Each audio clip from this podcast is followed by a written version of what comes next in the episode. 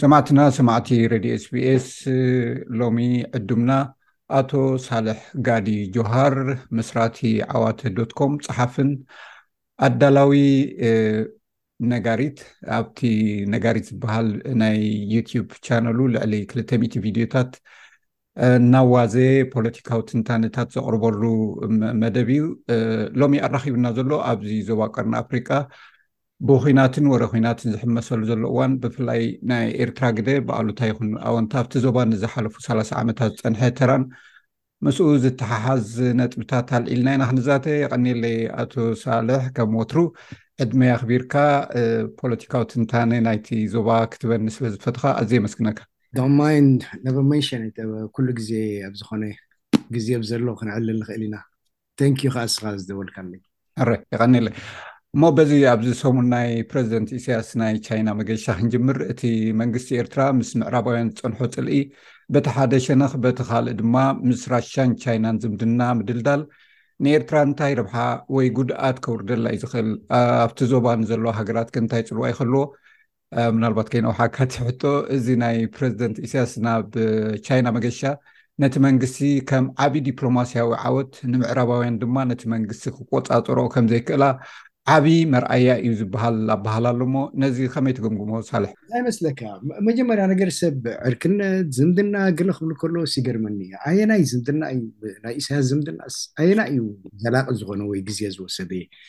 ዝምድና ዝበሃል የብሉን ዓርኪ ዝበሃል የብሉን ዋላ ብታክቲካል ስትራተጂክ ዘይኮነስ ገለ ንገለ ጥቕሚ ኢሉ ዝራኸቦም ሰባት እውን ብንእሽተይ ነገር እንድሕሪ ተፈላለዩ ኣብ ካልእ እዩ ዝበፅሕ ስለዚ ቐዋሚ ዓርኪ የብሉን እዚ እውን ካብኡ ፈሊኻ ዝርአ ኣይኮነን ሕጂ ካልኦት መፂኦም ገለ እንታይ ኢሎሞ ኣብኡ ክጥዎ እዩ ምክንያቱ ቀዋሚ ናይ ፎሬን ፖሊሲ ሃልይዎ ኣይፈልጥን ኤርትራ ተዘዋዋሪ ተዋቃዒ እቲ ፎሬን ፖሊሲ ግን ዋላ ንሓፂር እዋን ይኹን እምበር ኣሎ ዝምድና ትገብር የፃንሓካ ንዓመት ንክልተ ዓመት ናይ ሓዋሩ ከይከውን ይኽእል እዩ ብፍላይ ምዚ ሕጂ ዘሎ ፀቕጥታት ናይ ምዕራባውያን ከም መተንፈሲ እውን ክረአ ስለዝከኣልሲ እዚ እውን ሓደ ዝምድና እዩ ታክቲካል በሎ ስትራቴጂክ በሎ ገለ በሎስኒ ማለሲ እቲ ናይቲ መቓን ናይቲ ግዜ ክፈላለ ይኽእል እምበር ንግዚኡ ግን ሓደ እፎይታውን ክፈጥር ይኽእል እዩ ነቲ መንግስቲ መስለኒ ወይ ይፈጥር እሞ ክስታይ የብሉን እንታይ ኢልካ ኢኻ ክትዛረበሉ ከምዚ ብሃገር ኢና ንዛረብ ዘለና ብዕድመ ብዕድመይ ወይ ብዕድመኻ ኣይኮናን ንዛረብ ዘለና ናይ ሓደ ሃገር ዝምድና ከኣ ካብኡ ንላዕሊ ዝዓምቖ ኮይኑ ይረኣየኒ ግን ከምዚ ክልተ ቆልዓ ይተዓራርኹ ዳሕራይ ኩዕሶ ወሲድካለይ ገለ ኢልካ ዝበኣሱ ከምኡ ዓይነት እዩ እቲ ናይ ኤርትራ ፎሬን ፖሊሲ ኣንፎርቹነትሊ ሕጅስ ብኡ እየ ብዙሕ ክስታይ ዘይገብረኒ ሞቲቨት ኣይገብ ኣይለዓዕለንን እዩ ማለት እየ ብሓጺሩ ሕራይ ከዓኒ ኣብዚ ጂኦፖለቲክስ ኩሉ ግዜ ነበር ይጫሎ ሓደ ነገር ክህልወካ ከሎ ነተን ካልኦት ሃገራት ፀቕጢ ትገብረና ሕና ምሉእ ህይወትና ቀይሕ ባሕሪ ኣርባዓ ካብ ሚእቲ ብኡ እዩ ዝሓልፍ ኤርትራ ስትራቴጂክ ቦታ ውላዋ ገለመለ ከምኡታት ኢና ንብል ሕጅስ ሕማቅ ክመፀካ ክእል ፅቡቅ ክመፀካ ክእል ዳሕራይ ከዓ ዕዳጋ እንድሕር ውሪካዮ ንሱ ንከምዚ መሸቀጢ ንናይ ዓመት ርክክብ ናይ ክልተ ዓመት ርክክብ እንድሕር ጌርካዮ ከዓኒ እቲ ሕጂ ሒዝዎ ዘሎ ወይ ሕጂ ዝጥቀመሉ ዘሎ ጽባሕ ንግሆ ቀዋሚ ኣይኮነን ክቅየር ይኽእል እዩ ከምኡ ጌርና እንተ ርኢናዮ ማለተይ እዩ እቲ ዘላቂ ስትራተጂክ ታክቲካ ዝብሎ ዘለኹ ናይ ነዊሕ ግዜ ዕርክነት ኣይርኤናን ለካ ሰላሳን ክልተን ዓመት ጌሮም ቀዋሚ ዓርኪ ኮሚትድ ዝኾነ ናይ ሓቂ ክሕግዝ ዝኽእል እሞ ከኣ ዝረኤ ኣስተዋጽኦ ዘሎ እቲ ዕብየት ናይቲ ሃገር ወይ ኤርትራ ዝተጠቀመትሉ ከምኡ የለን ስለ ብኡ እየ እቲ ዘይግድሰሉ ዝብለካ ዘሎ ኣቲ ቀባብላ ክትሪኦ ከለካ ከም ፍሉይ መንግስቲ ቻይና ግን ንኤርትራስ ከመይ እዩ ክጥምታ ዝኽእል ማለት ስትራቴጂካዊ ቦታ እዩ ከም ንፈልጦ ኣብቲ ዞባ ካልኦት እውን ተገዳስነት ክህልዎን ይኽእል ዘይተመዝመዘ ሃብቲ እውን ክህሉ ክእል ወይ ደኖ ኣብ ገሊኡ ማዕድናት ኣሎ ገለ ኣሎ ቻይና ድማ ረብሓ ኣለዋ ማለት እዩ ስለዚ ብወገን ቻይና ከእንታይ እዩ እንታይ ረብሓ እዩ ዘለዎ ክሳብ ክንድኡ ፐርሰፕሽንን ክውንነትን በበይኑ እንድዩ ሕጂ መብዛሕቲ ሰብ እንታይ እዩ ዝብል ዘሎ ዘይለምቅነ ዝሪኦ ዘለኹ ፍልይ ዝበለ ተራእዩ ዘይፈልጥ ኣቀባብላ ገለመለ እዮም ዝብሉ ሕጂ እሳ ሰሚዕካ እያ ሓቂ መሲላትካ ክትደግማ ድሓን እዩ ክልተ ሰለስተ ክደግምዋ ከለዉ ሓቂ ትኸውን ኩሉ ሰብ ይደግማ እዩ ግን ከመይ ደኣ ለውጢ ኮይና ክትብል ከኣ ንዝያዳ መፅናዕቲ የድልየካ ሕጂ ኣነ ከም ዝገበርኩ መፅናዕቲ እዚ ቻይና ኩሎም እዞም ናይ ፋር ኢስት ወላ እዚ ኮርያታት ገለመለ ዘለዉ እዚ ጃምቡሬ እዚ ዕግርግር ባንዴራታት ኣምፂካ ቆልዑት ኣምፂካ ምስራዕ ገለመለ ከምዚ ናይ ሃይለስላሴ ንገብሮ ዝነበርና ቀደም ኣብ ኩሉ ወፅእ ነይሩ ሃይለስላሴ ሽዑ ከምዚ ዓይነት ኣቀባብላ ይግበር ነይሩ ሕጂ በዓል ቻይና በዓል ኮርያ ኣብዚ ከምዚ ብሉፃት እዮም ክእለት ኣለዎም ማዕሪጎ እሞ ፕሮፌሽናል ኮይኖም እዮም ኣብኡ እዚ ሓደ እዩ። ካልኣይ ብዙሕ ሰብ ዘይርእያ ዘሎ ቻይና ኣብቲ ናይ Head of State ኣቀባብላ ካብ ክልተ ሽሕን ዓሰርተ ሸሞንተን ዓቢ ለውጢ ጌሮም እዮም። ግን ድሕሪኣ እዚ ኮቪድ ገለ ስለ ዝመጸ ብዙሕ ዝገይሽ እውን ኣይነበረን። ከይተራእየት ሓሊፋ እምበር ናይ መጨረሻ ዓቢ ምልውዋጥ እዮም ጌሮም ኣብቲ ከመይ ጌሮም ከም ዝቕበልዎም። ንኣብነት ሓደ ሲሶ ዝኸውን ልክዕ ሕጂ ብብርጌድ እዮም ብገለ እዮም ዝሰምይዎ ዋላ ብፎርሜሽን ናይ ደቂ ኣንስትዮ ኮንቲንጀንት ገይሮም እዮም ኣብቲ ናይ ኣቀባብላ ኣብቲ ናይ ክብሪ ኣቀባብላ ዝግበር ቀደም ደቂ ኣንስትዮ ይትርእዩን ኢኻ ቻይና ሕጂ ካብ 218 ጀሚሮም ሓደ ሙሉእ ኮንቲንጀንት ገይሮም ኣብቲ ኣቀባብላ ዩኒፎርም ናይ ኩሎም እቶም ዝቕበሉ ዝነበሩ ምሽ ናይ ኔቪ ናይ ኤርፎርስ ናይ ገለ ወኪላት ዝቕበልዎም ናይ ኩላቶም ዩኒፎርም ቀይሮሞ እዮም እቲ ፕሮግራም ገዛእ ርእሱ ብዙሕ ተቐይሩ እዩ ክሳብቲ ናይ ምምራሾም ናይ ግልምሉ ብዙሕ ታክቲካል ነገራት ቀይሮምሉ እዮም እሱ እንታይ ይብሉ እቶም ቻይና ከም ዝብሎ ኣብዚ ንኣትዎ ዘለና ዘመን ናይ ቻይና ዕብየትን ናይ ቻይና ምስ ካልእ ዘለዋ ርክክብን ንዕኡ ዘንፀባርቕ ክኸውን ኣለዎ ከምዚ ሚዲዮክር ከምዚ ናይ ቅድም ክኾኑ ይብሉን ምስቲ ንመነዮ ዘለና ምስቲ ክንሃንፆ ንደሊ ዘለና ርክክብ ምስ እድሳነ ንሕን ዘንፀባርቅ ክኸውን ኣሎ ኢሎም ዓብይ ለውጢ ገይሮም እዮም ግን ኮቪድ መፅኡ ኣይተጠቀምሉን ሕጂ ኢሳያስ ንዓ ኣይተጠቂሙ እቲ ለውጢ ናይቲ ቀባብላ ንኩሉ እዩ ኩሉ እቲ ናይ ቻይና ቀባብላ ተቐይሩ እዩ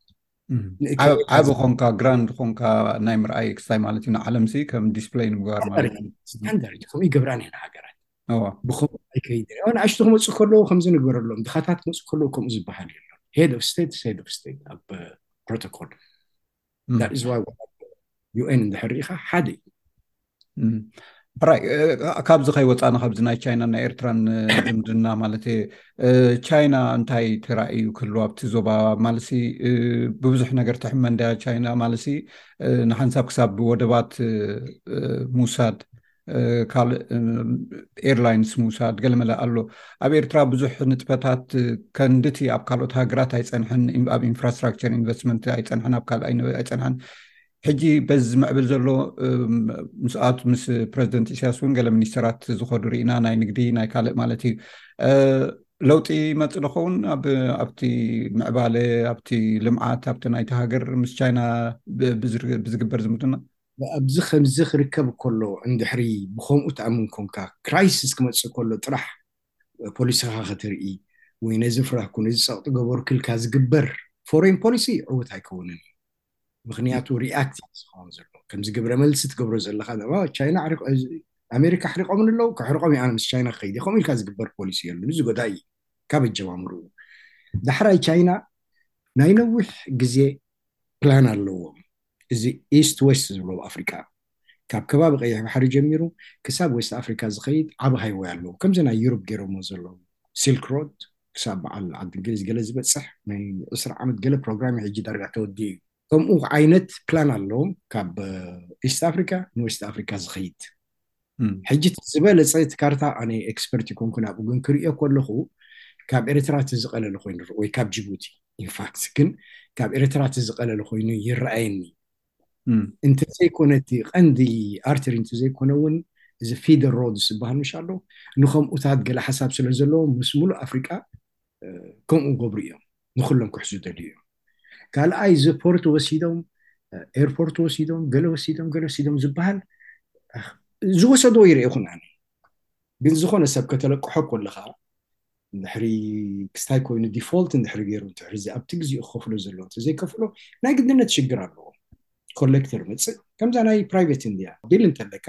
ተዘይከፈልካ ኮሌክተር ኸይድ እቲ ኮሌክተር መዓልቲ መዓልቲ እንዳ ደወለ ትኽፈል ይብለካ ኣብ ክንዲ እቶም ክስታይ ዝኾኑ ዘለዉ እቶም ዘለቅሑ ካብ ክንድኦም ኮይኑ ቻይና እውን ገንዘብ ክትበካ ኮላ ክተለቅሓካ ኮላ እንተዘይ ከፈልካ ኣብ ግዜ ወይ ከኽፍለካ ዘይክእል ጸገማት ክትርኢ ኮላ ኣብቲ ዓዲ ኮንሰርን ኣለዋ እዛ ከምዚኣ ትገብርዋ ዘለኹም ሲ ኣብቲ ኮሚትመንት ናትኩም ዘሎ ወይ እቲ ክትከፍልሉ ትኽእሉ ኣገባብ ክበላሾ ስለዚ ክል ኣይትግበርዋ ኢሎም ፀቕጢ እውን ይገብሩ እዮም እዚ ኩሉ ዓለም ዝገብሩ ኩሉ ኣብ ኣሜሪካ ሕጂ ንኣብነት ናይ ክሳይ ዘይትርኢ ኢትዮጵያ ኢትዮጵያ ካብ ወርልድ ባንክ ዲ ካብ ኣይምኤፍ ካብ ኣሓድ እዮም ካብ ወርልድ ባንክ መስለኒ ናይ ክልተ ቢልዮን ዲ ገለ ገንዘብ ደልዩ ኣለዉ ነቲ ገንዘብ ክብዎም ሕጂ ነቶም ካልኦት ዕዳ ዘለዎም ኣብ ኢትዮጵያ እንታይ ይመስለኩም ክኸፍሉ ይኽእሉ ድዮም ተወሰኽናዮም ዝብል ኣሎ ተደናጉዩ ዘሎ ክሳብ ሕጂ ደሞዝ ክኸፍልሉ ኣብ ዘይክእሉ ደረጃ በጺሖም ዘለዉ ሕጅስ ዝኾነ ድርጅት ድንበሎ ትካል ክለቅሓካ ከሎ ገንዘብ ገንዘቡ ክመልሰሉ ዝኽእል መገዲ የጻሪ እዩ ኣብ ሽግር ከበጽሕ ስለዚ ቻይና ከምኡ እዩ ግን ቻይና ክሳብ ሕጂ ብሕጊ በቲ ዝተፈራረምሉ ክንዲዚ ፐርሰንት ከምቲ ሕጃ እንድሕሪ ተታሒዙ እተን ክንዚ ፐርሰንት ትሕጃ ዘለዋና ክንወስደን ኢና ውል ኤክሰርሳይዝ ኣወር ራይት ክብሉ ይኽእሉ እዮም ከምዚ ትሕካ እንተዘይከፈልካ ገዛኻ ወስድ ወይ ፍርቃ ትወካ ከምኡ ዓይነት ኣሎ ግን ፖርት ወሲዱ ወይ ከምዚ ገለ ወሲዱ ዝበሃል ኣይርእኹን